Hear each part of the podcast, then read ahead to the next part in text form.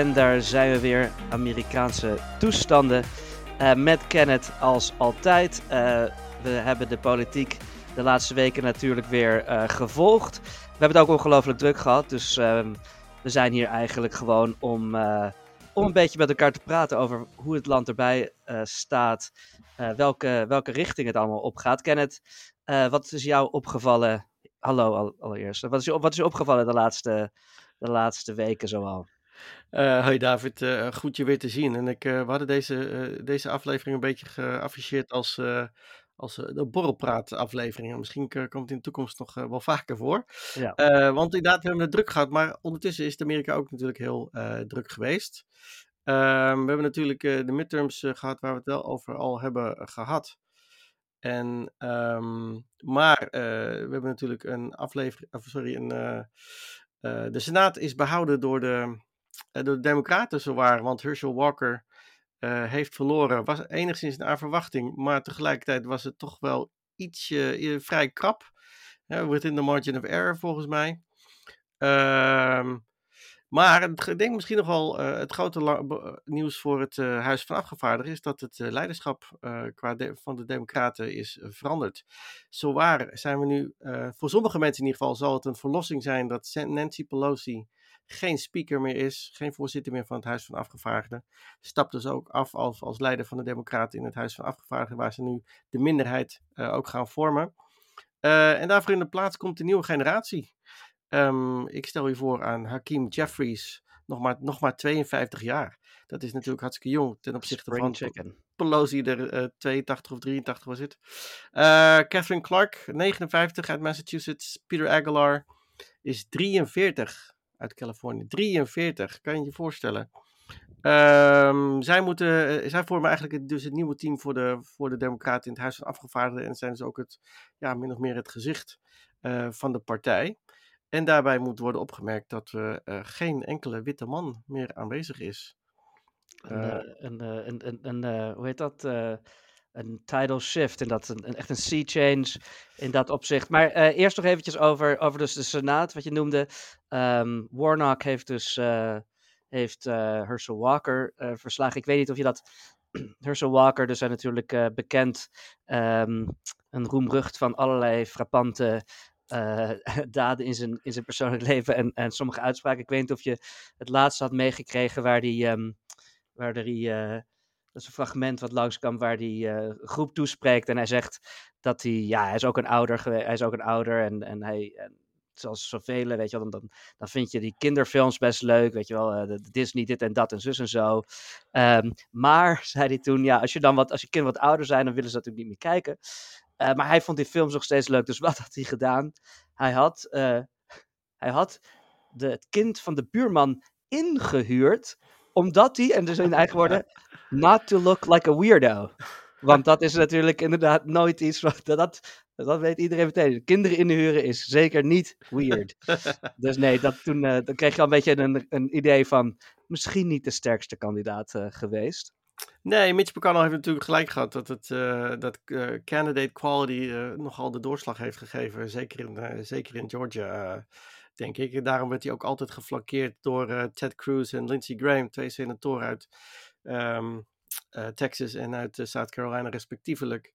Um, en het deed mij dus, ja, het, nou ja de meme kwam voorbij over Trading Places, die film met Eddie Murphy. Um, en dat, ja, het, het, zag er niet uit. Het zag eruit als een, als een zwarte man die door twee mannen werd, witte mannen werd, werd bestuurd. Plus, bij zijn concession speech, op de avond van zijn nederlaag, eh, zijn, zijn, gaf hij zijn speech. En het was enorm coherent. Ik denk van, oh. blijkbaar kan je toch wel gewoon een normale, uh, goede speech houden. Uh, en heeft hij blijkbaar al die maanden een bepaalde rol gespeeld of zo. Dus het viel, me, viel me heel erg op.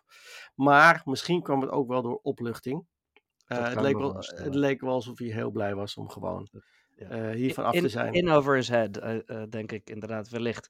maar laten we eventjes verder praten over het andere onderwerp wat je noemde. Dus um, je hebt inderdaad, ja, dat hebben we natuurlijk al langer zien, zien komen. Um, er is een soort generatie shift in de Democratische Partij. dus de, de Republikeinse Partij ligt natuurlijk enorm met zichzelf overhoop. In de Democratische Partij schijnt het wat wat, wat um, geleidelijker te gaan. Maar we hebben, hebben we kenden Chuck Schumer, Nancy Pelosi. Nou, Biden is natuurlijk ook van die generatie. En daaronder kreeg je op een gegeven moment natuurlijk de, die um, AOC, um, andere jongere, vaak progressievere, vaak iets diversere members. En nu is dat dus, dat leiderschap in die, uh, in die House of Representatives is overgenomen door een groep mensen die een beetje daarvoor staat. Hoe zie je, zie je bijvoorbeeld een Hakeem Jeffries? Wat, wat, voor iemand is dat? Zie je dat echt, is dat een letterlijke uh, ja, AOC uh, groep figuur? Of is het een soort brugfiguur? Of hoe zie je dat?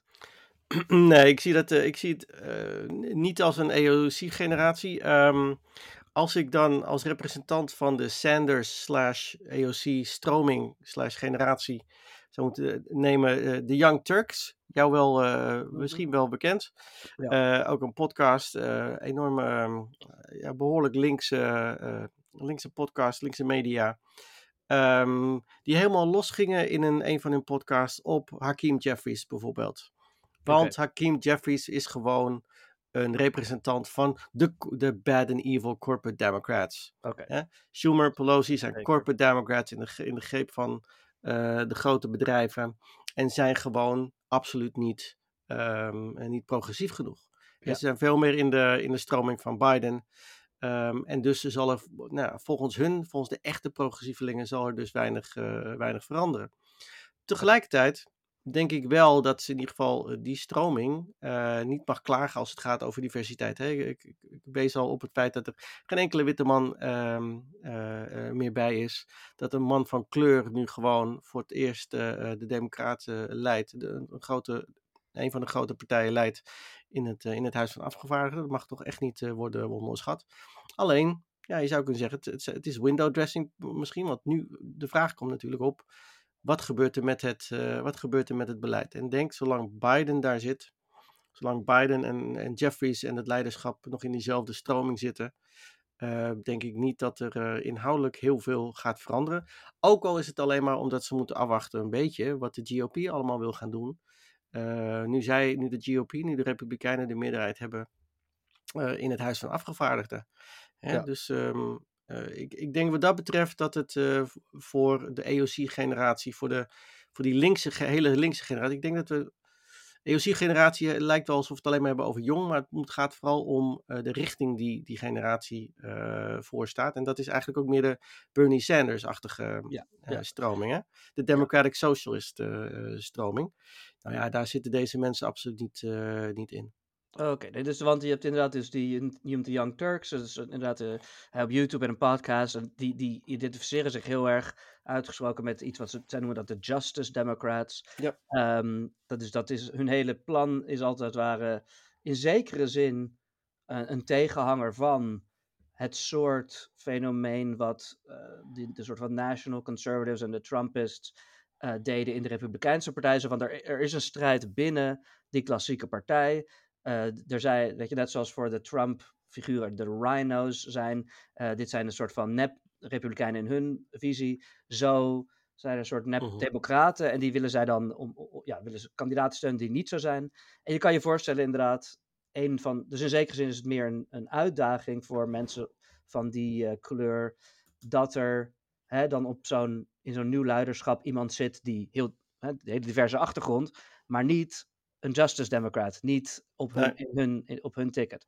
Nee. Dus oké, okay, dan, dan, Maar ik zou, ik zou wel die, die je, je deed net wel even wel die, die twee vleugels van de partijen um, uh, vergelijken, maar um, ik denk dat je ze inhoudelijk, qua hoe extreem ze zijn, ze absoluut niet kan vergelijken. Nee, nee, nee, dat, dat, dat ab, absoluut niet. Maar um, ik bedoel, uh, ik denk dat de Democratic Socialists die, willen, die denken dat alles uh, zoals in Scandinavië moet zijn, bij wijze van spreken. Alhoewel ja. ik denk dat ze daar een verkeerd beeld van hebben. Ja. Uh, maar goed. en ik, National Conservatism, we komen vast in de komende afleveringen nog wel uitgebreid op terug. dat, gaat, dat wordt veel autoritairer en dat is, dat is een, een, stukje erger, denk ik. Als je het hebt over de, de democratische pa parameters die we Absoluut. hebben. Nee, dat is onvergelijkbaar. Maar meer gewoon inderdaad van een, een, een beweging die, die als het ware uh, gegrond is in het idee. Er is iets. Er, onze partij doet hoort voor iets te staan, maar het doet eigenlijk het, datgene alleen in naam. En onze beweging probeert als het ware die, dat dode hout daar er, er een beetje uit te knikkeren. Um, Nee, dus alleen in die, nee, natuurlijk niet. De, Republiek, de Trump is, dat is een heel ander uh, fish. Um, Oké, en dan beleid is inderdaad natuurlijk, zolang Biden daar zit, um, uh, zal hij proberen, of dan zal die groep daaromheen proberen, uh, dus dat, dat quote-unquote gematigd te houden. Denk jij dat nu Biden dus richting herverkiezing of richting de kandidatuur voor herverkiezing zou gaan, zal er dan druk komen van die meer progressieve democraten? Of denk je dat eigenlijk, uh, gegeven hoe goed het is gegaan met de midterms, hij, er, hij op roze uh, zit? Nou, ik, ik denk niet. Ik denk dat de midterms eigenlijk alleen maar verwarring hebben gezaaid. maar verwarring aan de kant van de Republikeinen. En het gaat, denk ik, afhangen van wat de Republikeinen doen, van wat, wat Biden doet. Als de Republikeinen. Als, Trump heeft zich weer een kandidaat gesteld. Uh, al heel snel na de midterms. Hij is iedereen voor geweest. Hij is de meest snelle, hij heeft, uh, snelle verklaring van presidentskandidatuur uh, ooit, geloof ik. Mm -hmm. om, om het veld alleen maar onder druk te zetten en bijvoorbeeld zijn, zijn directe concurrent Ron DeSantis misschien dwars te zitten. Um, maar wat daar gebeurt, wordt denk ik bepalend voor wat Biden doet en wat, um, wat de Democraten, Democratische Partij in het algemeen gaat doen. Ik denk dat ze zullen afwachten, want uh, als Trump weer de, de, de grote man wordt, als hij weer de kandidaat wordt, of hij dreigt weer inderdaad die partij gewoon weer zijn kant op te trekken na deze midterms, um, dan denk ik dat Biden zegt van wij moeten koers houden. Uh, ik moet dus weer kandidaat zijn, want ik ben de beste kandidaat om, om Trump te verstaan. Heb ik, heb het al een keer gedaan. We hebben heel veel gedaan de afgelopen, afgelopen jaren tijdens mijn presidentschap. Um, en nog steeds en dat is natuurlijk ook mijn, uh, mijn stokpaardje tegenwoordig, de democratie blijft in gevaar. En dus als je die, als je die, um, die linkerflank, die AOC-flank, uh, eh, de, de Democratic Socialist flank, als je die daarvan kan blijven overtuigen, dan zal, uh, zal Biden blijven zitten en zal de koers ook blijven zoals hij is geweest. Maar ik denk ook tegelijkertijd dat, de, dat die linkerflank niet veel te klagen heeft als zij in ieder geval een bepaald politiek realisme uh, blijven houden, dat ze kunnen zien wat er mogelijk is geweest de afgelopen uh, twee jaar, dan moeten ze toch enigszins tevreden zijn, zou je denken. Uh, ze hebben een heleboel dingen gemist. Als het gaat om klimaat bijvoorbeeld, dan zullen ze absoluut niet, niet tevreden zijn. maar er zijn wel heel duidelijk stappen gezet. Um, maar nou, frappant is dus dat um, wat de Democraten gaan doen, hangt heel erg af van wat de uh, Republikeinse partij uh, gaat doen. En dan nog met name wat uh, Trump gaat doen. En we, blijven maar we blijven maar moeten kijken naar Trump. Ja. Ehm, maar dat, dat is de realiteit, denk ik. En, maar laten we het dan daar even over hebben, want je hebt natuurlijk, ja, het is eigenlijk een heel, het is een beetje, het is een soort lastig moment ook, denk ik, voor analyse waar we in zitten. Omdat aan de ene kant, je weet heel goed, er zit een soort zwart gat in eh, de Republikeinse strategie op het moment. Eh, er, zijn, er, is een duidelijk. Dus in de, je zou denken dat is interessant. Er is een duidelijk uh, ja, diepe vraag. Welke kant moeten ze nou op met dit Trumpisme? Want aan de ene kant zijn sommige, heeft, ja, sommige kandidaten, sommige politici identificeren zich meer en meer met Trump. Aan de andere kant zie je dat het electoraal niet werkt. Uh, maar tegelijkertijd is dat ook, zit het ook een soort van uh, vast een beetje in, in, in een moeras op dat gebied. Want het is gewoon niet zo duidelijk wat ze gaan doen. Dus hoe zie je dat bijvoorbeeld in, die, dus in de House of Representatives? Um, er zijn mensen die bijvoorbeeld nog steeds, wie nog steeds een goed politiek doel lijkt om de verkiezingsuitslagen te, uh, aan te vechten. Hoe, hoe zie je dat? Is dat is wat ze dan gaan doen uh, komende jaren? Nou ja, kijk, als er, als er één uh, groep uh, is die uh, enorm verlies heeft geleden in de midterms, zijn het wel die zogenaamde election deniers. Ja. Want um, de election deniers die ook kandidaat werden voor een bepaalde, bepaald ambt, die hebben gewoon nagenoeg allemaal verloren. Hè, dus dat onderdeel van het Trumpisme, dat is er af. daar wordt bijna niet meer over gesproken, behalve dan door Carrie Lake, die in Arizona de race voor de gouverneurschap heeft verloren. En dat nu al uh, die, nog steeds wijt aan, uh, aan mogelijke fraude of irregularities in, in het verkiezingssysteem en op verkiezingsdag. Maar ze is een beetje een roepel in de woestijn. Hè. Ze doet een beetje 2020 na. En iedereen wil eigenlijk na deze midterms af van het hele 2020 verkiezingsontkennen. Ja. dus dat stukje is er wel vanaf. Maar goed, het, het geeft wel een, een bepaald soort het trekt een beetje een, een, een, soort vacuüm dat inderdaad we niet zo goed weten. Uh, heel veel Republikeinen niet zo goed weten welke kant ze nou op moeten. Wat er nog over is gebleven van Trump en zijn, uh, en, en zijn uh, Trumpisme. Want je zei het al, heel veel Trump-supporters worden alleen maar radicaler ervan. Terwijl de rest zich allemaal bezint en eigenlijk weet niet zo goed, niet zo goed weet wat, wat ze moeten. Want, want, laten we even hebben wat over, over hè, dus, dus misschien een goed voorbeeld daarvan. Kevin McCarthy wil, uh, wil die, die caucus gaan leiden. Um, een, een, een, een, een republikein die uh, wel zeker een populistische kant heeft. Uh, misschien in zekere zin meer een Ted Cruz-achtige populist of een, of een, of een Tom Cotton-achtige populist. Maar, dus, maar die heeft nu enigszins moeite om dus dat leiderschap te behouden. Die is dus nog niet populistisch genoeg voor bepaalde mensen. Of hoe zit dat? Hoe gaat die, die, die leiderschapsverkiezing voor hem daaraan toe? Nou, laat ik dan even echt op de persoon Kevin McCarthy uh, uh, richten.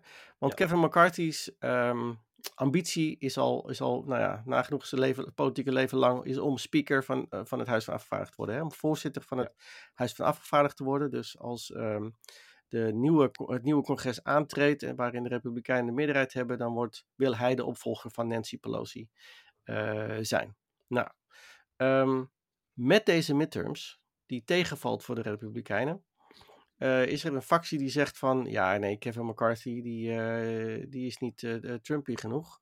en, en, en, dus moeten we moeten radicaler worden. Um, en dus steunen we hem, of gaan we hem misschien helemaal niet steunen. Er is een, er is een Trumper die heeft zich kandidaat gesteld, Andy Biggs.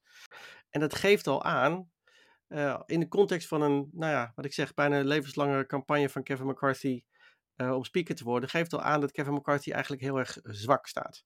En Kevin McCarthy weet volgens mij ook op dit moment niet zo goed um, hoe hij, hoezeer hij naar Trump moet hangen en hoe, hoezeer de Republikeinse Partij in het congres in ieder geval een andere koers wil gaan varen.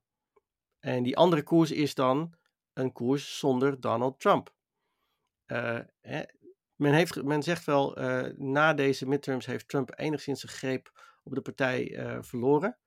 Maar dat betekent dus dat de partij daardoor heel erg in beweging komt. En het onzeker is waar uh, de, de partij nu heen gaat. Um, en ik heb eerlijk gezegd uh, ook geen idee waar het heen moet. Ik weet alleen wel dat bijvoorbeeld een Marjorie Taylor Greene bij een zwakke Kevin McCarthy steeds luider wordt. En er zullen steeds meer mensen, steeds veel meer Trump-aanhangers naar haar gaan luisteren. Uh, en dan wordt het, denk ik, gevaarlijk voor de Republikeinse partij. Um, want ik denk dat dan via het Marjorie Taylor Greene mogelijk weer uh, Trump meer macht krijgt. Uh, en dat toch weer een aantal uh, Republikeinen zullen zeggen van ja, ik moet weer herbrekenen, ik moet hercalculeren wat, wat betreft mijn politieke toekomst. Nou, ik zie dat de wind waait richting Marjorie Taylor Greene. Um, en dus moet ik, moet ik die kant op. Dus maar het, het, het is een beetje koffiedik kijken. Het is, uh, het, is, het is, ik denk dat democraten zelf ook zoiets hebben van nou, wij, laten, wij houden ons een beetje, maar een beetje stil. En we moeten het maar uh, gaan zien wat, uh, wat er daar gebeurt, wat voor chaos er komt. En de grote verliezer is denk ik um, het Amerikaanse volk, om maar een cliché te gebruiken. Omdat er gewoon weinig gaat gebeuren qua wetgeving bijvoorbeeld. Het enige waar alle republikeinen het geloof ik wel over eens zijn, is dat de Biden-administratie, Biden-regering tot op het bot moet worden onderzocht. Als, niet, als, als, al is het niet impeachment voor, uh, van president Biden zelf. Maar we gaan allerlei hele nare onderzoeken krijgen die nergens op slaan. Um, ja. Als een soort revanche. Uh, laten we een paar, een paar denk-elementen inderdaad in die, in die, in die, uh, die zoektocht in zekere zin van de Republikeinen. Zo misschien een paar elementen boeiend om te ontleden. Dus ik denk inderdaad, ik, precies hetzelfde wat jij zegt, van het is gewoon enigszins moeilijk aan te voelen welke kant het uh, opgaat. En, en het bestaat uit bepaalde elementen. Eén is dat Trump is een natuurlijk een. Is, Trump was oorspronkelijk een uitvergroting van. En een, en een, en een, en een heel erg. Um, uh, in het oog springend geponeerde vorm van eh, de populistische, de, de Tea Party, de Ted Cruz, eh, dat, die, die, die, die, die wing hè, van de Republican Party. Dus oorspronkelijk waren dat zijn, dan ook zijn bondgenoten. Nou, Trump, zoals een goed autoritair politicus uh, in zekere zin verstaat, die, die vernietigt natuurlijk degene die om hem heen zijn. En dat heeft er dus natuurlijk nu een aantal generaties van dit soort figuren. van Chris Christie tot Ted Cruz tot tot Pence, tot nou, wie ook dan bij, bij hem in de buurt komt, die bland, uh, uh, tot Scaramucci. hij, hij, hij, hij, brandt al die mensen plat. Maar dan, dan is dus de vraag, oké, ze willen misschien van die Trump af, maar hun eigen merk is gewoon bij definitie eenzelfde soort Trump-populisme. Dus dat bedoelde ik, toen we het vorige keer over, hè, hoe, hoe makkelijk wordt het voor een Ron DeSantis om dat te doen? Uiteindelijk, weet je wel, is het toch een beetje alsof je alsof de kiezer voor, voor, de, voor, het, voor de rekken met cola smaken staat. En het, er is gewoon Coca-Cola en dan is er ook uh, Croaky-Cola of wat dan ook. Ja. En, en, en dat zal toch, ja, het staat niet iets, het, die mensen, de Santis, staan niet voor iets wat niet in zekere zin een Trump-brand is. Ze willen van die figuur af, maar hoe komen ze daarvan af als hun echte denken niet echt anders is. Dus dat is één ding. Maar ik denk dat je, ik denk dat je gelijk hebt als, als ze zeggen van, uh, als je zegt van, uh, en we hebben het eigenlijk ook al tijden over, namelijk dat men wil af van Trump, maar niet van het Trumpisme. Uh, ja. En nogmaals, wat het ook mogen betekenen, daar heb ik daar wel ideeën over, maar uh, het is heel breed en diep, denk ik. Maar wil van de figuur Trump af. Als dat de calculatie is, wel Trump, sorry, geen Trump, wel Trumpisme, ja, dan, dan moeten we toch kijken naar een, bijvoorbeeld een Ron DeSantis, maar ook een Margie Taylor Greene. Eh, die dat nog steeds, uh, nog steeds aanhangen.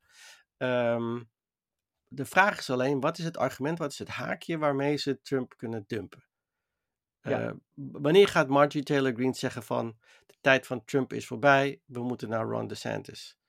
Ja, nou, laten, laten we dan dus, dan dus eventjes misschien inderdaad daar, hier is, een, hier is een mogelijkheid hiervan. Dus A is natuurlijk zo dat Trump zelf en zijn endorsed candidates doen het niet zo goed.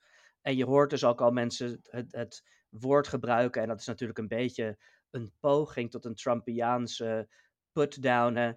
Trump is a loser. Ja. Dat, dat, dat, dus dat is één ding. Nou, ten tweede, zal, zal ongetwijfeld velen van onze luisteraars ook opgevallen zijn, is dat Trump natuurlijk, ehm, omdat hij ook zich dus steeds ontdoet van zijn meer gematigde medestanders en omdat uh, hij niet enorm uh, is niet, hij is niet enorm discerning als het gaat om zijn, om zijn medestanders. Hij af en toe in, in, in heet water terechtkomt. En dus uh, vorige week of een week twee geleden was dat.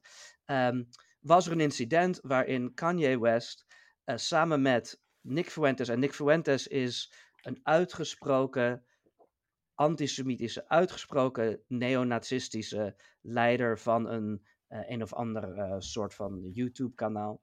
America First heet dat, geloof ik. Um, uh, ging, hij ging samen met Kanye West naar Trump. Nou, Kanye West is natuurlijk een, een beetje uh, van, van het padje. En die heeft ook allerlei dingen gezegd over uh, de Joodse invloed op zus of zo. Nou, dat viel al niet heel erg goed. Maar vervolgens gingen beide, Kanye West en Nick Fuentes, ook op tv bij Alex Jones. Een rechtsconspiratbare mafketel in zijn eigen recht.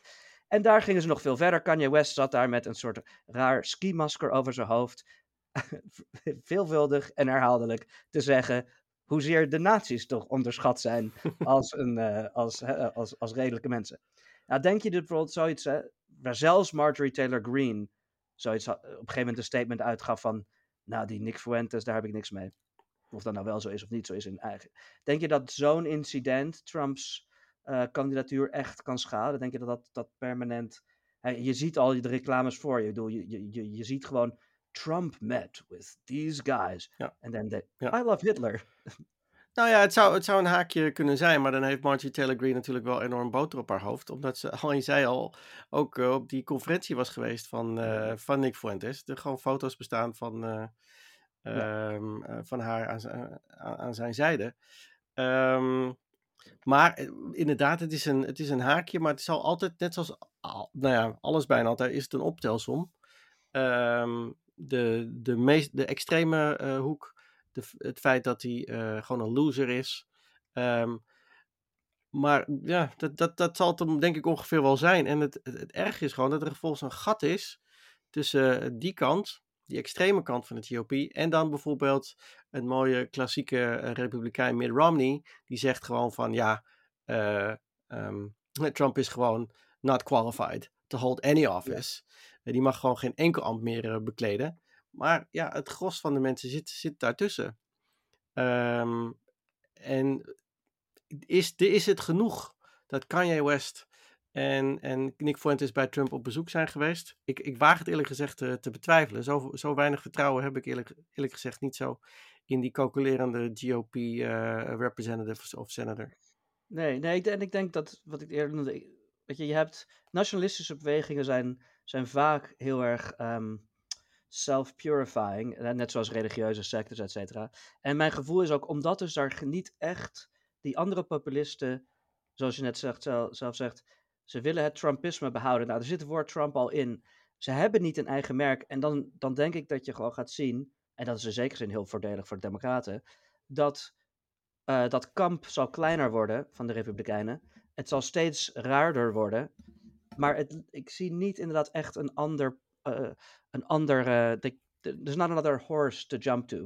Je, je, je, gaat een de, de dynamiek krijgen zoals we eigenlijk in de midterms hebben gezien. Namelijk dat Trump, eh, of een Trump-achtige kandidaat, misschien wel de GOP primary wint. Maar bijna kansloos wordt in de, in de algemene verkiezing. Nog veel erger dan die Trump-kandidaten in de midterms. Um, het was natuurlijk een enorm slecht teken over hoe Trump uh, zijn aankondigingsspeech deed dat was bijna pathetisch. En uh, Fox News die dacht ook op een gegeven moment van nou, dit, uh, dit, dit, dit gaan we niet meer doen. dus we, we zetten iets anders op. Um, dus de energie is, uit de, is wel uit de persoon Trump. Ja. Um, er is iets of iemand, of er moet een gebeurtenis zijn inderdaad, waardoor iemand zegt van oké, okay, we knippen het lijntje tussen Trump en het Trumpisme door. En we gaan inderdaad, moeten het inderdaad uh, rebranden. En misschien is dan wel ja. National Conservatism, wordt dan misschien wel het nieuwe brand. Het ehm, enige wat je je voor kan stellen, misschien, eh, dat, dus in die mate hou ik altijd wel um, een bepaalde rekening met Trump, die figuur. Kijk, als hij eenmaal de kandidaat zou zijn, of we zitten in de primaries, kijk, hoe meer Trump, hoe meer exposure Trump krijgt, hij heeft wel dat natuurlijk die hele rare, dat, dat hele rare, uh, onvoorspelbare charisma, in zekere zin. Hij kan gekke dingen zeggen, uh, die ineens um, mensen hij kan dingen zeggen die mensen aanspreken op wat ze impliciet denken, maar nooit zo zouden zeggen. Um, en dat kan op een gegeven moment, hè, wie weet wat gaat gebeuren de komende twee jaar. Je kan je voorstellen dat als hij dus weer echt op tv is uh, en, en, en, en zijn speeches worden weer volledig uitgezonden en hij, hij komt weer overal en er zijn weer interviews met hem, dat hij op een of andere manier toch weer ja, die, dat hele discours weet te vervormen. Hè? Dat is wat hij, wat hij doet.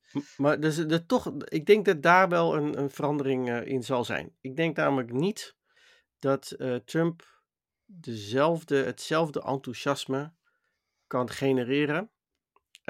Dan wel bij het publiek tijdens zijn speeches. Ik bedoel, tijdens een aankondigingsspeech wilden de mensen gewoon weg bij een speech. En wat al vaker ook gerapporteerd is, dat de laatste jaar dat de mensen ja, er zat geen energie meer in. Mensen willen gaan eerder weg. En als we dan Trump zijn eigen standaard moeten nemen, dan is dat heel veelzeggend. Wat er gebeurt trouwens dan in het publiek, zijn, zijn, zijn crowds, dan is dat heel maat, maatgevend.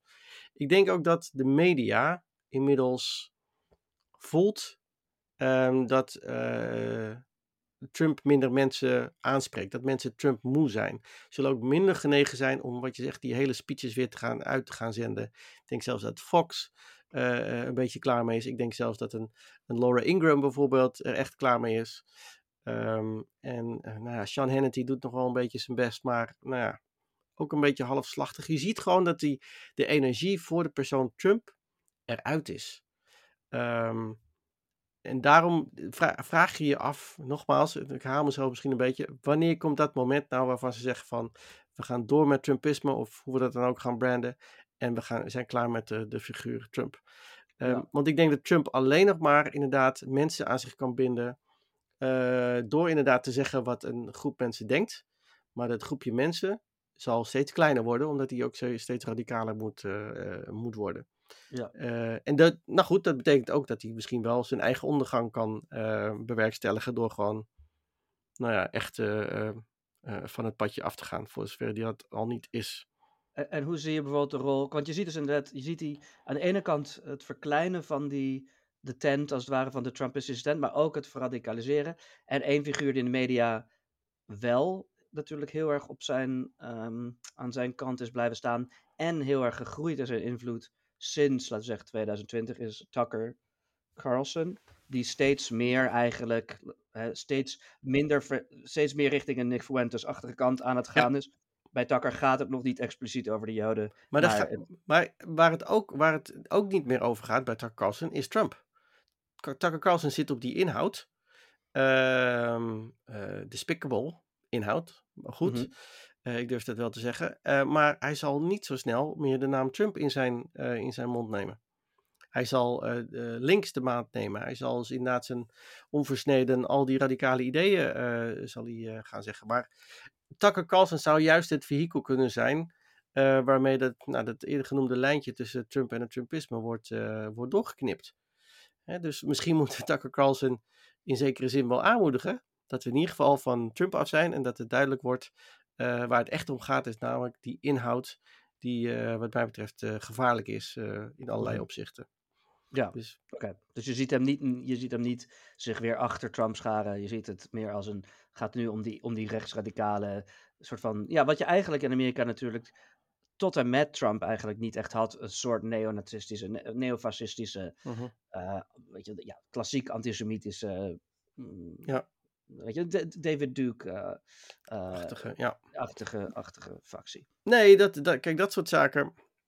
Ik denk dat we ook moeten goed, als we hebben, goed hebben opgelet de afgelopen jaren, zal je Trump trouwens ook nooit hebben kunnen betrappen op daadwerkelijke, hele expliciet heel expliciet woordelijk, letterlijk racisme of antisemitisme. Het is allemaal, ehm, hoe zeg je dat? Ehm, ja, hints geven naar uh, bepaalde, gebruik van bepaalde, uh, hoe zeg je dat? memes of. tropes. Of, ja, tropes inderdaad, ja. Hè, bepaalde beschrijvingen van, van globalisten en zo. Nou, dat is altijd ja. natuurlijk inderdaad een verwijzing naar het antisemitisch gedachtegoed.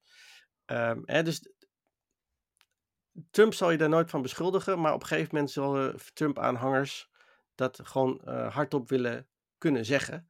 En dan vinden ze, kunnen ze zich vinden niet bij, niet bij Trump, maar bij, bij Tucker Carlson inderdaad.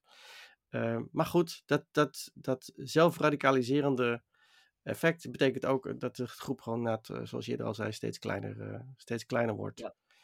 Maar ja, ja wat nou, dan?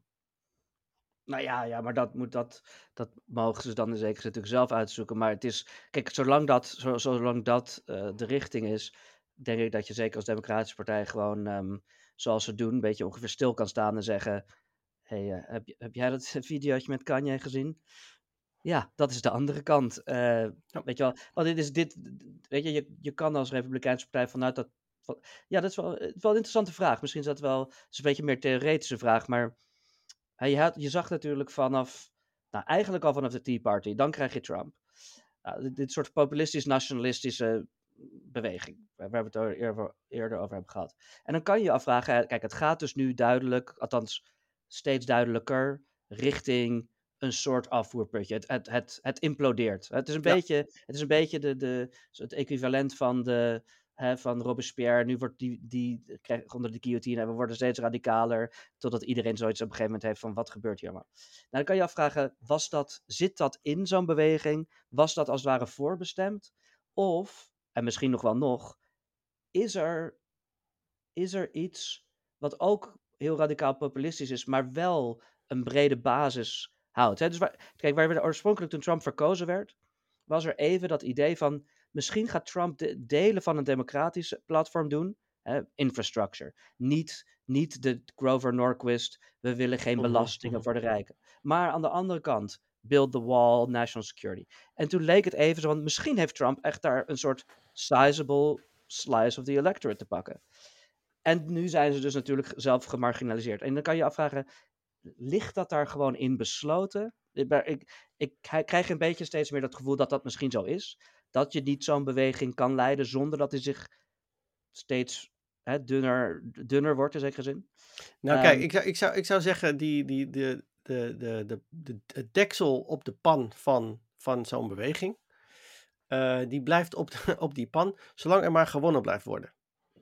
Eh, Trump die verloor de 2018 midterms. Trump verloor natuurlijk de 2020 eh, verkiezingen. En verliest nu de, de, de midterms in 2022. Dus de pan, de deksel is van de pan. En alle, alle normale mensen, ja, die worden weggekookt. En je houdt dan inderdaad ehm, een groezelig beetje over. om- ja, aan de In, mijn- in, de mijn, pan. in mijn amachtige poging om deze metafoor door te trekken. ik, zie het wel, ik zie het wel voor me. Ik zie wel wat je bedoelt, ja. Hè, dus, eh, kom, we hebben net avond gegeten vandaag. ja, ja. Ehm, nee, maar eh, in, in, die zin is het inderdaad, zodra er wordt verloren, dan is het een, ehm, zit het in zo'n, eh, in zo'n beweging zelf dat het moet radicaliseren om in een poging om bij de volgende ronde alsnog weer eh, te winnen. En als dat niet lukt, ja, dat is het idee. Oh, we moeten nog eh, meer eh, radicaliseren. Dan wel omdat, omdat men vindt dat men moet radicaliseren, of maar dat, dat men denkt van, ik ben boos en waarom winnen we maar niet? Hè, in, Ja. die- in, die, in die platte zin eigenlijk. Nou, en ook Ehm, gewoon omdat, de, de, de overtoep-beweging, de, de, de, de, de, maar zeggen, de Trump-kaart in, het- in het spelletje is altijd: ik ben meer van de harde leer, ik durf het te zeggen, jij bent nep. Nou, als Ja. dat je winning move is, ja, die move gaat maar één kant op. Het gaat nooit een keer, Nee.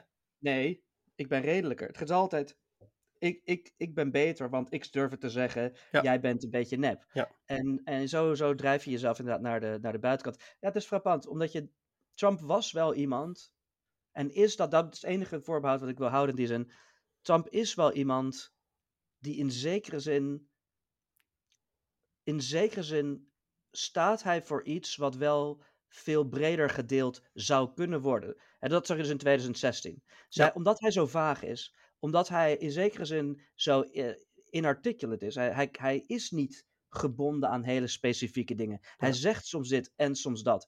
Staat hij in zekere zin voor iets wat heel breed kan zijn. Het, het lukt hem niet, en misschien wil hij dat niet, wie, wie weet wat, om, zich, om dat te behouden. Hij, hij isoleert zich steeds verder. Maar het frappant is, hij is als figuur eigenlijk niet heel... Kijk, zo Nick Fuentes staat echt voor iets heel kleins. Dat is gewoon, er is de David Duke vote, er zijn neonazies, het zijn er niet meer dan, laten we zeggen, 100.000. mhm. En dat, dat, dat vind ik altijd het frappante, dus dat je het afvraagt, kan er nog een, een herborst, een her... ehm, eh, een, opnieuw, eh, een opnieuw fenomeen komen van een brede Trumpisme? Ik, ik, Ehm. ik, ik, denk niet, ik denk, ik denk eerlijk gezegd niet.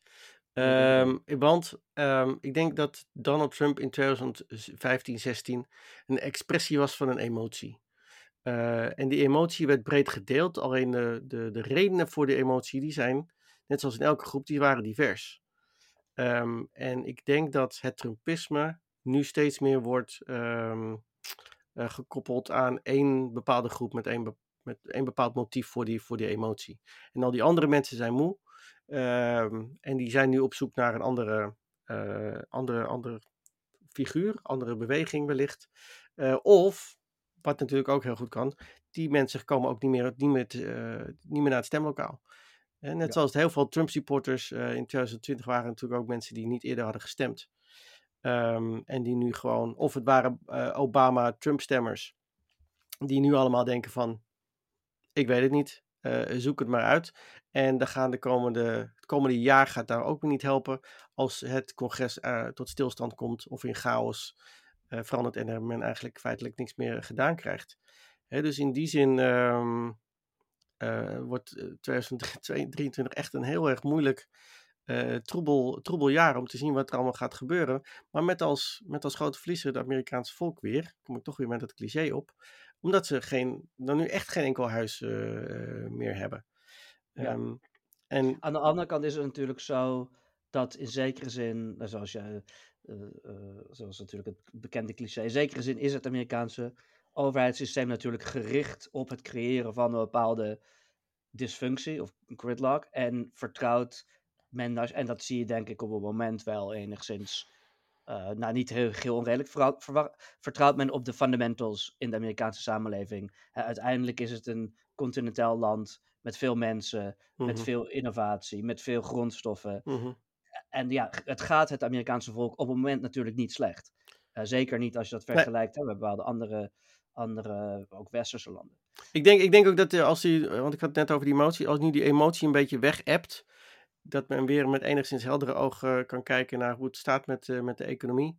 Eh, bijvoorbeeld dat het best goed gaat met, eh, met Amerika. Eh, maar dat men daardoor ook weer een bepaalde ehm, ja, complacency, hoe zeg je dat in goed Nederlands, vervalt. waardoor ze misschien dus ook weer niet, niet gaan stemmen. Ehm, hè, dus het is, het, het, het is zo moeilijk om nu te gaan voorspellen van welke kant het op moet gaan. Ehm, ik denk dus alleen ehm, dat eh, allerlei problemen eh, in, het, in de structuur van Amerika blijven zitten. Ik bedoel, ik ben er erg mee bezig geweest de afgelopen tijd. En ik zal het afkomende jaar ook nog veel hebben over die democratische eh, structuur in, in Amerika, die, waar veel aan, ehm, eh, eh, aan hapert. Waar veel gevaren in, in, in, inherent in zitten. Ehm, en als je dan kijkt bijvoorbeeld dat er, denk ik, als we een gridlock hebben in een congres, dat er veel meer overgelaten wordt aan de staten. De staten zelf moeten gaan experimenteren met allerlei, allerlei zaken. Dat we polarisatie zien. Ehm, en dat we hele gekke verschillen krijgen tussen een California eh, aan de ene kant en een Tennessee bijvoorbeeld aan de andere kant. Ehm, we hebben nu gezien dat bijvoorbeeld dat eh, eh, de, eh, de, die nieuwe wet over same-sex marriage is, aan, is aangenomen. Als een soort plan B voor het geval het Hoge Rechtshof eh, same-sex marriage ehm cancelt, net als, eh, net als eh, abortus. Eh, ga je ook daar, hè, die zal ook polarisatie creëren, want die wet zegt van, nou ja, eh, een staat hoeft geen same-sex marriage in te voeren zelf, maar moet eh, mensen van andere staten die naar die staat komen en eh, eh, getrouwd zijn en van de same sex zijn, die, dat moet wel gerespecteerd worden. Nou ja, dat gaat, gaat toch ik ook een bepaalde mate van chaos eh, eh, met, zich, eh, Want- met zich meebrengen. Dat is natuurlijk een interessante wettelijke vraag dan, want ehm, dus hoe zie je die context? Dus we hebben, even te samenvatten, we hebben de situatie waarin, het is in Obergefell toch, Mhm. Ehm, oorspronkelijk dan wordt gezegd, er is een grondwettelijk recht op same-sex marriage. Nou, dan loop je risico dat natuurlijk een rechtshof dat overturnt. Dus is er nu een wet waarin dan staat, ongeacht dat ehm, welk grondwettelijk, grondwettelijk recht er dan ook wel of niet zou zijn, Mhm. Ehm, als er same-sex marriages erkend worden in één staat, moet dat ook in de andere staten eh, gebeuren. Denk je dat er een constitutional challenge tegen dat principe zou kunnen zijn? Bijvoorbeeld, hè, dus eh, deze wet is unconstitutional, omdat individuele staten niet altijd hoeven erkennen. Nee, dat Nee. denk je niet. Ik, ik denk niet één eh, vanuit politiek eh, oogpunt, namelijk dat er, eh, het laat in principe heel veel ruimte aan de staten zelf. Zij hoeven niet een bepaald, in hun ogen, sociaal experiment uit te voeren. Ehm, tegelijkertijd zegt de grondwet ook, ja, full faith and credit. Je moet, wat er gebeurt in andere staten moet je respe- respecteren. Contracten die in andere staten gesloten zijn, die moet je respecteren. Hè, dus dat is een redelijk fundamenteel iets. En ik denk dat het congres heeft ook Daarom is er ook bipartisan support voor deze wet geweest. Ehm, eh, omdat het eigenlijk een, een, een, in de normale lijn van, van, van wetten Ja. ligt. eh, Was dat ook ik. vroeger, was dat ook, dus voordat, voor Obergefell, was dat ook toen al zo? Dat je dus Nee. same-sex... Nee, Hoe was dat dan niet. Waarom was dat dan niet zo? Eh, omdat die wet er nog niet ligt. Maar ik zeg alleen, het is op basis, denk ik, van de full faith and credit clause in de, in de, in de grondwet. Dat men nu zegt van eh, same-sex marriage in de ene staat moet gerespecteerd worden in de andere staat. Maar je hoeft zelf niet in jouw staat eh, ook eh, same-sex Oh, marriages te gaan, gaan sluiten. Hè, dus een, ehm, een, een LGBTQ-stel, same-sex stel wat in Tennessee wil, wil gaan trouwen, die kan bij Tennessee waarschijnlijk niet aankloppen. Maar als ze naar Massachusetts gaan of naar Californië gaan waar, en daar gaan trouwen, dan heb je de kans dat als ze teruggaan naar Tennessee, dat Tennessee wel moet erkennen van, oh, jullie zijn getrouwd en ik moet dat huwelijk moet ik erkennen met alle gevolgen eh, van die. Maar, maar wat als bijvoorbeeld Tennessee nou een wet, eh, een, een, eh, een wet aanneemt waarin staat marriage is between a man and woman? Want dan krijg je natuurlijk een soort, dan, moet je, dan krijg je marriage en marriage star. Want je kan niet zeggen dat huwelijk wat dan in Californië is gesloten, is ook een marriage. Want volgens Tennessee-wet is Mhm. een marriage tussen man Ja, en maar vrouw. die, maar die wet, die wet in Tennessee is dan eh, een, een gebod of een verbod binnen Tennessee om een same-sex marriage te sluiten. Hè, maar de federale grondwet zegt dan, of de federale wet zegt dan, eh, nou ja, je hoeft het zelf niet te doen, maar uit, eh, als een marriage erkennen. moet andere, uit andere staten moet je die marriage wel, wel erkennen. Misschien gaat het frictie opleveren, misschien is het ook een soort van. Een compromis. Maar, gevaarlijk eh, genoeg, zou het ook wel eens aanleiding kunnen zijn voor de Hoge Rechtshof zeggen van, oh, nou, dan kunnen we hem ook wel, Obergefell versus Hartjes, gewoon uit de boeken schrappen. Oh ja. Een soort van, eh, in, perversely is het dan, ze nemen zo'n wet aan Ja. in het geval dat Obergefell zou geschrapt worden. En Ja. dan is die wet er. En dan zegt het Hoge Rechtshof, nou, dan kunnen we net zo goed Obergefell Precies. eh, schrappen. Is iedereen, iedereen blij. Dus nou, dat, eh, behalve, dat klinkt, behalve de same-sex couples in Tennessee dan. Ja, nee, dat klinkt weer inderdaad, eh, Ja. eh, Ja. ja, Maar we zijn, we zijn ik, het is mijn schuld, we zijn natuurlijk heel snel nu geslopen naar richting Hooggerechtshof, same-sex marriage enzovoort. Uh, maar het punt was eigenlijk, om terug te komen bij de gridlock in, in, in het congres, um, is namelijk dat, er, dat we denk ik steeds meer moeten gaan kijken naar wat er gebeurt er in, in de staten. Wat voor ontwikkelingen zijn er daar? En misschien iets minder uh, kijken naar wat uh, president Biden doet. Iets minder kijken naar wat het congres doet. Maar eerder kijken naar wat doen de verschillende gouverneurs. Bijvoorbeeld in, um, in de staten.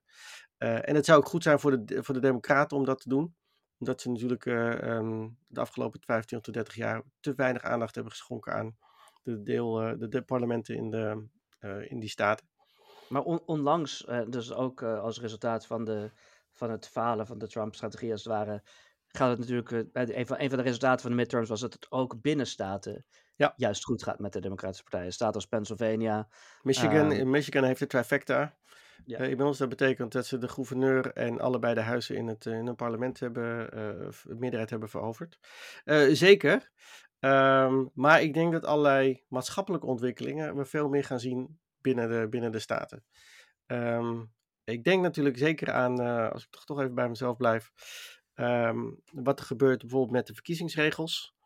Um, het Hooggerechtshof heeft uh, op 7 december een zitting gehouden in de zaak Moore versus Harper. Op diezelfde dag um, mocht ik, werd er een interview met mijzelf gepubliceerd en mocht ik mocht ik uh, blaten over, over deze zaak en het mogelijke grote gevaar voor, uh, voor de democratie. Namelijk dat uh, de, de, de wetgevers in de staten alle macht zouden, alle exclusieve macht zouden krijgen, mogelijk. op basis van een obscure independent state legislative theory, om verkiezingsregels te stellen zonder enige inmenging van de, de rechter in die staten. Nou, nou was die zitting er.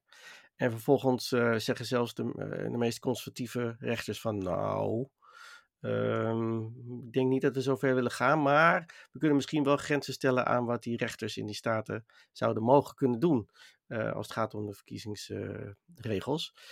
Gaan, als, ze dat, als, als, dat, als die middle ground, als dat compromis er ook doorheen komt, uh, bij het Hoge Rechtshof. Nou, dan wordt het ook interessant dan wat gaan die verschillende staten dan doen en, uh, ja. qua verkiezingsregels. En zullen ze die proberen die grenzen uh, op te zoeken mogelijk. Maar je hebt gelijk hoor, er zijn democraten hebben een sterkere positie in de, in de verschillende staten gekregen. En belangrijke staten, hè, zoals Pennsylvania en Michigan natuurlijk. dus dat, dat wordt wel spannend. Maar mijn um, uh, extra focus voor 2023 is wel dat ik iets beter ga kijken, probeer ga kijken naar wat er in bepaalde staten uh, gebeurt. Zeker omdat uh, op, als het gaat om verkiezingen, het hele stelsel hè, op statelijk niveau, op federaal niveau gewoon erg kwetsbaar is. Ja, en je ziet eigenlijk ook, dit versterkt elkaar natuurlijk ook weer. Je ziet een soort van, je ziet, um, hoe heette die krachten ook weer, die... je hebt centrifugale, anticentrifugale krachten mm-hmm. in dit geval. dus um, in, uh, je ziet zowel dat op gebieden waar normaliter, dus oorspronkelijk bijvoorbeeld via de grondwettelijke rulings, uh, een nationaal beleid was, nu wat meer richting staten gaat. En je krijgt ook weer dat de staten meer macht krijgen op electoraal niveau. En dat ze dus nog weer verder, ja. in zekere zin, uit elkaar kunnen drijven. Ja. Maar goed, dat is dan zeker natuurlijk ook wel weer een klassieke Amerikaanse vorm van compromis, namelijk Ehm, je hebt uiteindelijk, het is een gigantisch land. Mhm. En ja, het gaat uiteindelijk uitmaken in zekere zin of je in Alabama woont. Yay. Yay. Eh, of, of in Californië. Ja. Ehm, dus, en dat is een, eigenlijk een bepaalde vorm. Ironisch genoeg, bijvoorbeeld, ik heb dat altijd opvallend gevonden op het eh, gebied van het discours wat je ziet over de Civil War. ehm, meer recent. Je hebt natuurlijk een, je hebt een soort klassieke. Je hebt een soort klassiek, heb ik heb gedacht, je hebt een bepaalde klassieke compromis. die inmiddels eh, de laatste 20, 30 jaar onder druk is komen te staan. Maar de klassieke compromis over de Civil War was. We hebben het allemaal natuurlijk ondergaan. In de ene, het enige is dat in bepaalde staten we zeggen. Well, they were heroic. Uh, they didn't win, but they made a good effort at it. Ja. En, en, en, en toen op een gegeven moment toen zo'n soort van beweging kregen van heel nationaal. Nee, dat mag niet meer gezegd worden. Hè, die hele soort van, van, soort van vergoeilijkende toon about Robert E. Lee en zo, dat, dat moet niet meer kunnen. Maar dat je toch in zekere zin misschien weer terugdrijft, een beetje richting die kant, namelijk dat je gewoon een soort status quo, een soort passtelling hebt nationaal, die, be- die erin bestaat dat bepaalde staten zich een beetje meer zo uitdrukken en andere staten iets anders doen. En dat het gewoon live and let live is, in zekere zin. Precies, precies. En laat ondertussen dan eh, de Republikeinse Partij maar eh, uitvogelen wat het, eh, wat, Ja. het, wat het wil. Ehm, ik denk dat misschien heel veel democraten en heel veel andere politieke junkies achterover gaan zitten met een bak popcorn en denken van nou, we, we, we gaan het wel zien wat, hier, eh, wat voor circus hier eh, zich gaat voltrekken. Als je Kanye weer op tv ziet met een eh, bivakmuts zonder oog, zonder ooguitkattingen, dat is gewoon Ja. letterlijk een, een zak over zijn hoofd, dan denk je, dat je, denk je dat je als democraat er heerlijk bij zit en denkt, dit gaat gewoon helemaal de goede kant op. Ja. Of je denkt van, ach, wat is het toch zielig en wat is het erg en wat hebben we toch een mental health issue in, ehm, Oh ja, in, in Dat is Amerika. ook weer waar. Dat is ook weer waar. Altijd hem specifiek. ja. Precies. Nou, zullen we hem hier, eh, zullen we hem hier houden voor... voor, voor eh, Tenzij, David, jij misschien nog een mening hebt over eh, Elon Musk en Twitter. Ah, dat is nog wel een goed onderwerp. Want Ehm, Elon Musk, die lijkt toch wel een beetje. heeft in ieder geval alle, alle heel veel opgeschorde accounts, opgegeven accounts weer hersteld. En ik heb zelf ook wel gemerkt dat ik allerlei meuk in mijn tijdlijn wel, wel krijg. En ook bepaalde dingen juist weer niet. Ehm, wat heb jij ervaren op Twitter? Dat is een uitstekende vraag. Kijk, e- e- even ter achtergrond denk ik dat het moeite waard is om te zeggen dat, ehm, dat het natuurlijk heel frappant is eh, de manier waarop Twitter zo'n ehm, centrale publieke rol heeft gekregen. Dus dat is, dat is eigenlijk uniek. Ik bedoel, je hebt allerlei social media, dit en dat, maar alleen Twitter heeft echt die, weet je, dat het hele Trump-fenomeen is in zekere zin moeilijk voor te stellen zonder Twitter. Ehm, nou, Elon Musk heeft natuurlijk inderdaad zijn vaandel staan van ehm, twee dingen eigenlijk die we tot nu toe zien. Eén is hij gaat die, die meningen die onderdrukt zouden worden, eh, de Trumps van deze wereld, de Kanye's van de wereld, die wil hij terug eh, plaatsen. Echter ehm, is hij bijvoorbeeld met Kanye al op het punt gekomen dat dat toch niet zo verstandig Ja, was. klopt, ja. Want toen Kanye terug was, werd er meteen allerlei hakenkruizen getwit, Ja. getwitterd. Dat wilde hij toch weer niet. Nee. Uh, Trump is niet teruggekomen. Dus Nee. Trump uh, heeft dat niet gedaan. Trump is natuurlijk heel commercieel en dat snapt zo'n. Trump is geen ideoloog. Hij heeft zijn eigen social medium. En hij zit dat bedrijfje uit te baten natuurlijk.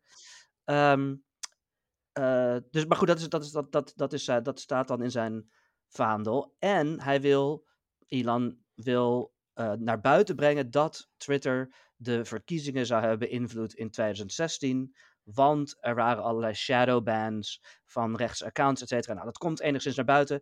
Echter, het probleem daarmee is, ja, uh, Twitter is een privaat bedrijf. Uh, kranten publiceren ook niet alles. Um, mm.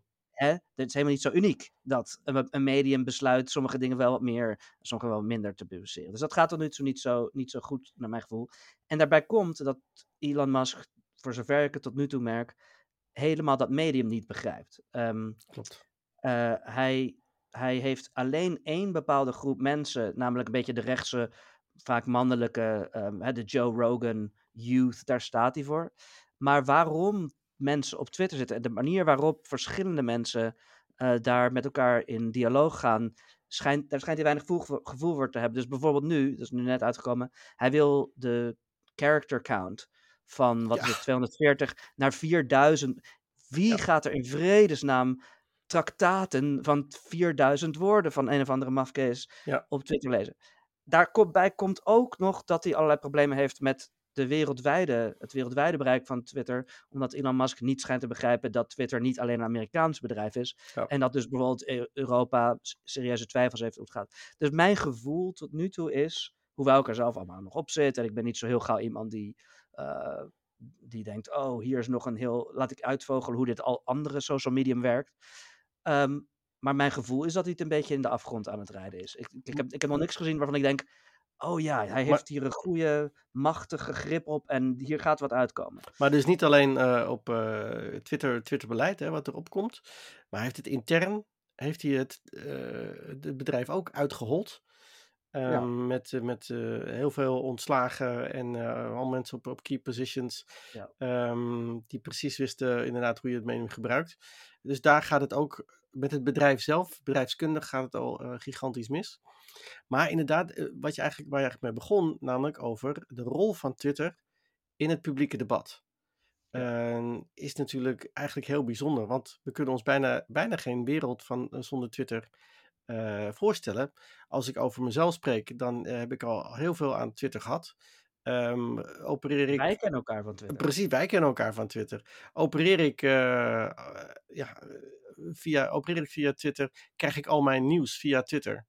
Dus Ja. ehm, ik begon ook, toen ik ging kijken naar die andere social media platform waar iedereen van riep van daar, daar vlucht ik naartoe, naar Mastodon. Dan dacht ik van ja, maar ik heb wat pas iets aan eh, Mastodon als bijvoorbeeld ook ehm, alle media, de kranten enzovoorts ook daar naartoe gaan. Ja. Politico, Washington Post enzovoorts, eh, New York Times en alle andere media. Als die daar naartoe gaan, ja, dan heb ik daar wat aan. En ga ik dat proberen uit te vogelen. Hè, dus het, een, kan je je voorstellen een wereld eh, zonder, zonder Twitter waar je ehm één waar je nieuws vandaan haalt, maar waar je ook je eigen mening of eigen analyse eh, over Ja. wilt loslaten. Gaan we dan weer terug naar blogs? Eh, wil, ik, wil, ik, wil ik zeker doen. Eh, staat ook voor 2023 gepland. Ja. Ehm Ja, dat is wel Substack. Substack is natuurlijk wel... Substack gaat iedereen, wordt, wordt iedereen aan een Substacker. ik, ik denk in zekere zin dat Elon eh, Musk een beetje tussen rock en hard place zit. Want, dan, want on, behalve als, en dat lijkt me vervolgens nog niet, behalve als Twitter echt ehm, keiharde copyright eh, en eh, dat soort patenten heeft van alles en nog wat, zit hij eigenlijk denk ik tussen de volgende twee posities in die hij allebei niet wil. Of hij gaat zich ongeveer normaal gedragen. Kijk, het, hij, er, zal wat, er zal geen shadow banning meer zijn en zo. Nou, dat hoeft van mij ook niet. per- Weet je, dat, Mhm. ik kan me voorstellen dat er mensen zijn. Kijk, er zijn accounts die, die waren. Dat waren geen neonazi-accounts, maar dat waren, dat waren ehm, accounts die rechts van het midden zaten. Die, die, die minder exposure kregen. Nou, dat zal niet meer zo zijn. Maar of hij gedraagt zich in brede zin normaal en hij houdt Twitter wat het is. Of er komt op een of andere manier een ander heel vergelijkbaar medium. En dan lopen, en dat zal het niet Mastodon zijn van wat ik er hoor, omdat het vrij complex is. Ja. Maar er is nu een ander, want die heet Post. Ongetwijfeld. Dus hij, hij zit eigenlijk, denk ik, in zekere zin gevangen. Omdat, behalve zoals gezegd, als hij hele harde patenten hebt op dit soort medium, maar dat, ik denk niet dat dat kan, dan moet hij zich of gaan gedragen of hij verliest het van een of andere concurrent, die ofwel nu, ofwel over zes maanden, of wat dan ook. En ja, ik zal niet inderdaad, net zoals jij, ik ben precies zoals jij, ik, ben, ik zal niet de eerste zijn die met drie Nee. followers daar eh, gaat zitten. Maar als iedereen er inmiddels is, hè, ik ben gewoon een, eh, ik ben een, ik ben een late adopter van technologie. Exactly, ik ook. Eh, dan, dan loop ik daar gewoon heerlijk achteraan. en sluit ik achteraan in de rij aan van menselijke vooruitgang. Dus, dus zoals ze zegt, ik denk dat hij zich op allerlei manieren heeft vergalopeerd. En het is eigenlijk natuurlijk gewoon heel raar. Dat, en dit is wel zeker een, een, een, een teken destijds voor ons. Het is gewoon iemand die natuurlijk vanwege bepaalde handigheid ehm, in het marketen van Tesla zo ongelooflijk veel geld heeft, maar vervolgens qua persoon een soort klein kind is. Ja. Hij, hij is eigenlijk een soort internetmannetje die met allerlei meninkjes over hoe men, de mannen mogen niet meer mannen zijn. Nou, je kent het Ja. wel. En hij spendeert gewoon 40 miljard Ja. op dat puntje. Ja, zonder er echt heel erg goed over nagedacht te hebben, naar, Ja. naar ik het aanvoel. Nee, dus ja, nee, je hebt, helemaal, je hebt helemaal gelijk. Maar het lijkt er toch op dat heel veel van dit soort mensen, zodra ze een bepaalde eh, statuur of een bepaalde financiële positie hebben bereikt, het innerlijke kind weer aanboren of iets dergelijks. Ik, Ja. het is mij een raadsel. En Ze weten gewoon niet wat ze met dat geld moeten, Nee. behalve hetzelfde wat elk figuurtje wat op Reddit zit blijkbaar zet, wil zeggen. Weet je wel? Nou, ik vind wel dat uh, de Amerikaanse samenleving is veel te veel vertrut. Of zo. Ja, ja je kent het wel. Ja, op, op Reddit ga ik dan ook niet zitten. On ongehoord Nederland, uh, ongehoord Nederland niveau. Oké, okay. nou, met die uh, uitsmijter denk ik dat we uh, kunnen gaan afsluiten. Um, ik, ik, dank de luisteraar voor zover hij het heeft gehaald tot dit hele uur. om, dat hij bleef luisteren om onze borrelpraat aan te horen. Zullen we beloven dat we het volgende keer weer iets gestructureerder zullen doen. daar zijn we uitgerust, hebben we het misschien wat minder druk. Uh, en kunnen we weer wat dieper in, uh, op de zaken in. Um, en hopelijk, uh, hopelijk doen we dat snel, David. Gaan, we gaan zo meteen wat plannen. Ik ben er voor. Oké, okay. okay. is goed. Tot ziens. Volgende keer.